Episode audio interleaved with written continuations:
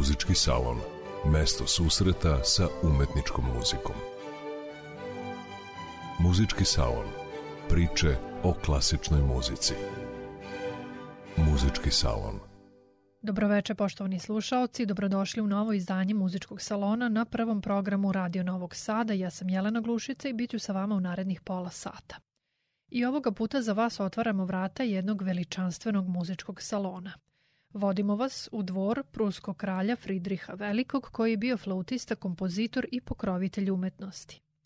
U ranijim vremenima nije uopšte bila redkost da vladari sviraju neki instrument ili da se bave komponovanjem muzike.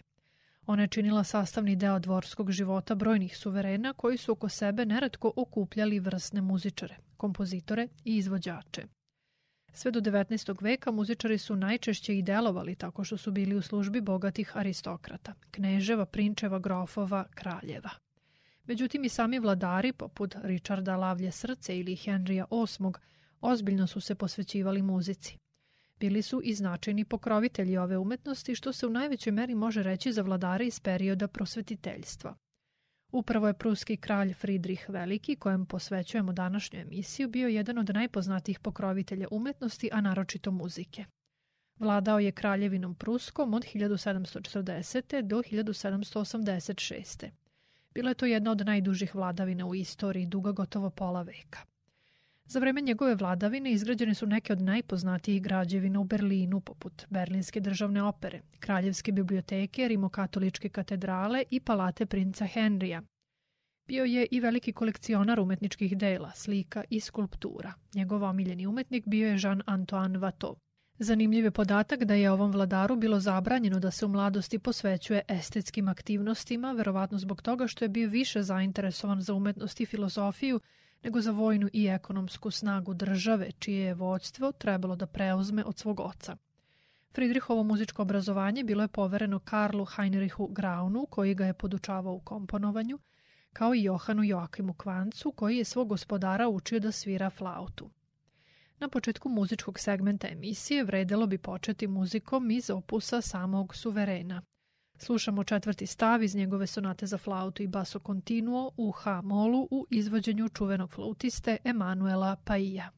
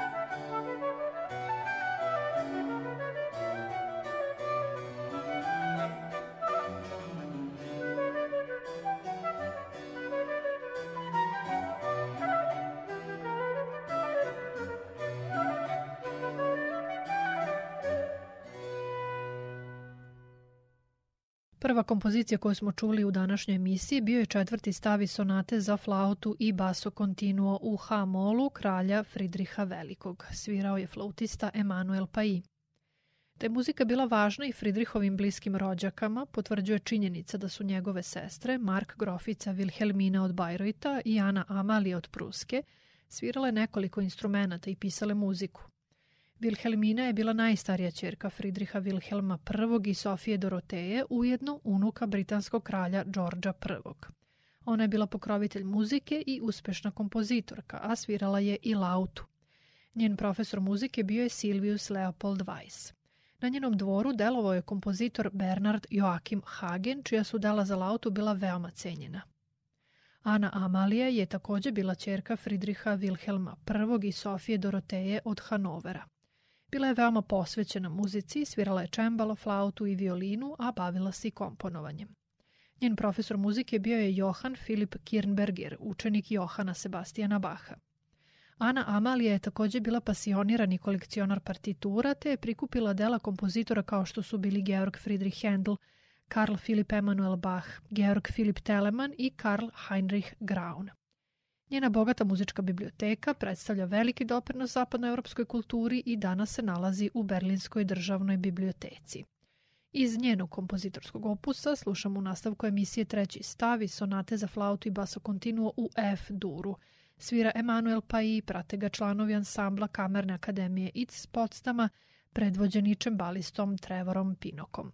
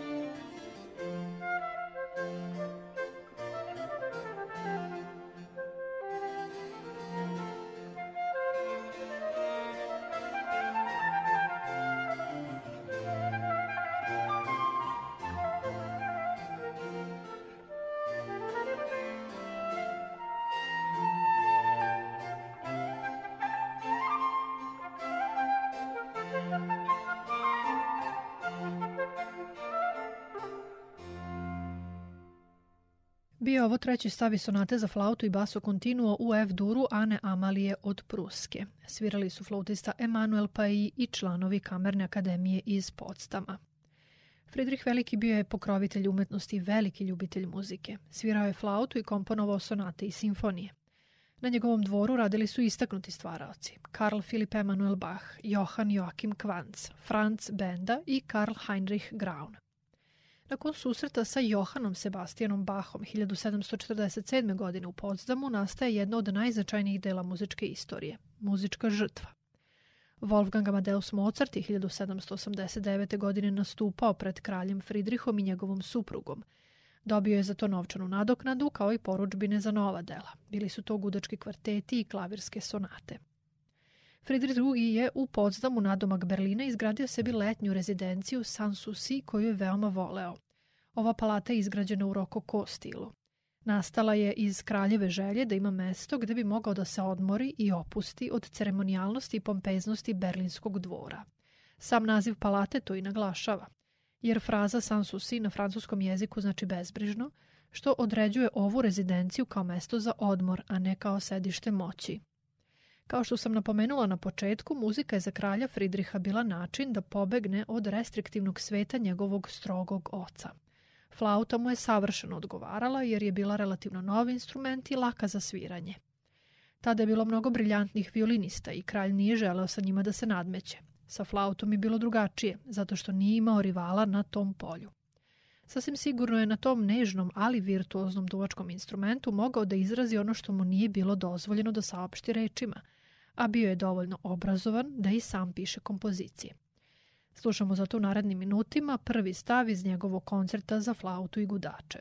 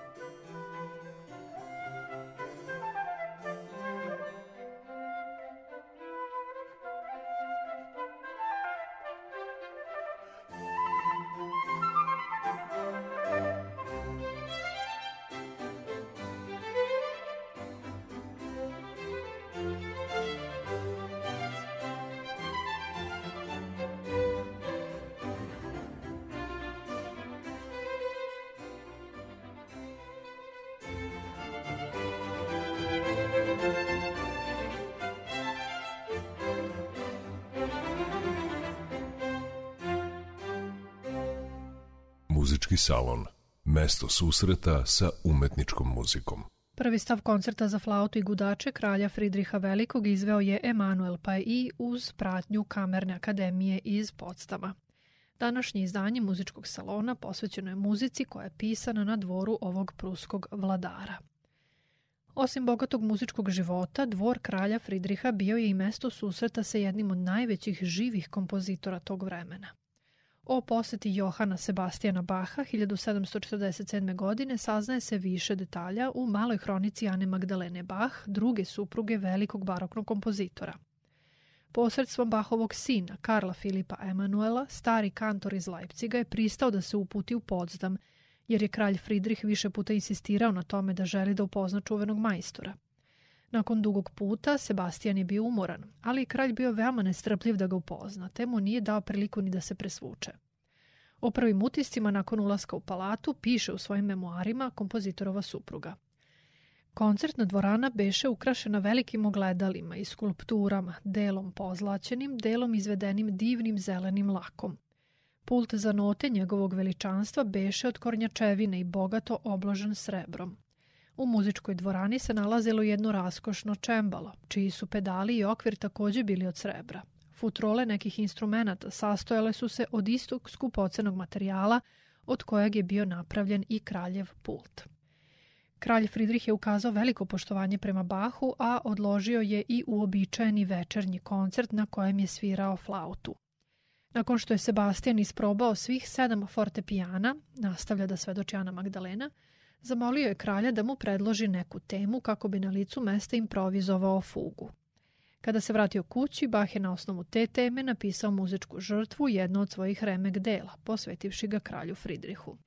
Nekoliko meseci nakon što je diplomirao pravo, Karl Filip Emanuel Bach, sin Johana Sebastijana i njegove prve žene Marije Barbare, dobio je nameštenje na dvoru prestolonaslednika Fridriha, koji je 1740. godine postavljen za vladara Pruske. Tokom svog 30-godišnjeg boravka na Berlinskom dvoru, Karl Filip je delovao kao dvorski muzičar i kompozitor, a imao je prilike da upozna vrsne muzičare tog vremena, čija delatnost je učinila dvor pruskog kralja značajnim centrom muzičke umetnosti. Tokom boravka u Berlinu, Bach je napisao jedan od najvažnijih traktata iz oblasti muzičkog izvođaštva, esej o pravoj umetnosti sviranja na klavijaturnim instrumentima a među flautistima naročito je omiljena njegova hamburška sonata iz koje ćemo sada u tumačenju Emanuela Paija čuti drugi stav.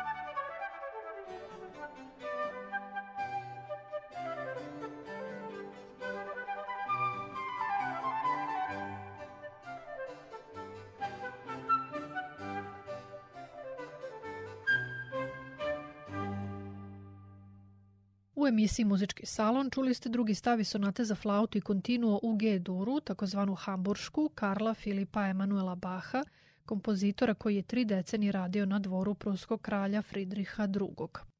Pred sam kraj emisije ukratko ću predstaviti druge kompozitore čija se delatnost vezuje uz ime pruskog kralja. Nemački kompozitor i operski pevač Karl Heinrich Graun radio je kao dvorski kompozitor u službi Fridriha II. počeo od 1740. godine pa sve do kraja svog života. Smatra se za jednog od najvažnijih nemačkih operskih kompozitora. Njegova opera Cezar i Kleopatra izvedena je 1742. godine prilikom svečanog otvaranja Berlinske državne opere. Delo je poručio sam kralj Fridrih. Češki violinista i kompozitor Franz ili František benda je dobar deo svoje karijere proveo radeći na dvoru Fridriha II. Ušao je u službu ovog vladara 1732. godine, postao je član njegovog orkestra, a kasnije dobio i poziciju koncertmajstora. Napisao je brojna dela, poput simfonije, koncerata, sonate i kamerne muzike. Članovi porodice benda su očigledno bili nadarani za muziku jer su Francov brat Georg, čerka Julijana i unuka Luiza bili kompozitori. Iako je trebalo da nastavi očevim stopama, da i on postane kovač, Johan Joachim Kvanc se posvetio muzici. Učio je muziku sa ujakom Justusom Kvancom, ali i samostalno, proučavajući dela velikih majstora. Svoje obrazovanje upotpunio je tokom velike evropske turneje, kada je posetio Rim, Napolj, Pariz i London – stupivši u kontakt s vrsnim muzičarima kao što su Gasparini, Scarlatti i Handel. U decembru 1741. godine postaje muzičar na dvoru Fridriha II. gde radi kao nastavnik flaute i kompozitor. Njegov opus broji na stotine sonata i koncerata za flautu. Autor je traktata o umetnosti sviranja na tom instrumentu koji danas predstavlja dragoceni izvor informacija o izvođačkoj praksi tog vremena. Nijedan učenik ili student flaute danas ne propušta da svira nešto iz Kvancovog bogatog opusa, a njegovo svakako najpoznatije delo ostavljamo za sam kraj našeg večerašnjeg druženja uz umetničku muziku. Biće to treći stav iz koncerta za flautu i gudače u G-duru. Do narednog izdanja emisije Muzički salon, kada ćemo se ponovo osvrnuti na zanimljive pojave i ličnosti i sveta umetničke muzike, ostanite uz prvi program Radio Novog Sada.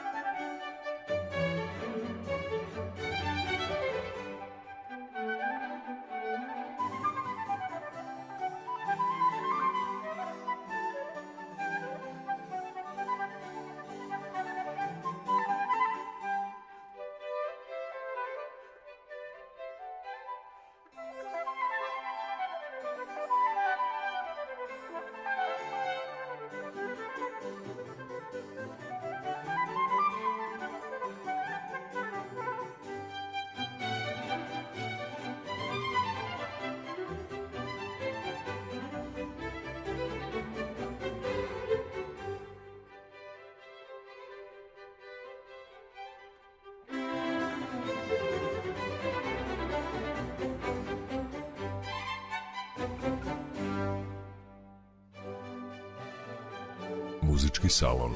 Mesto susreta sa umetničkom muzikom. Muzički salon. Priče o klasičnoj muzici. Muzički salon.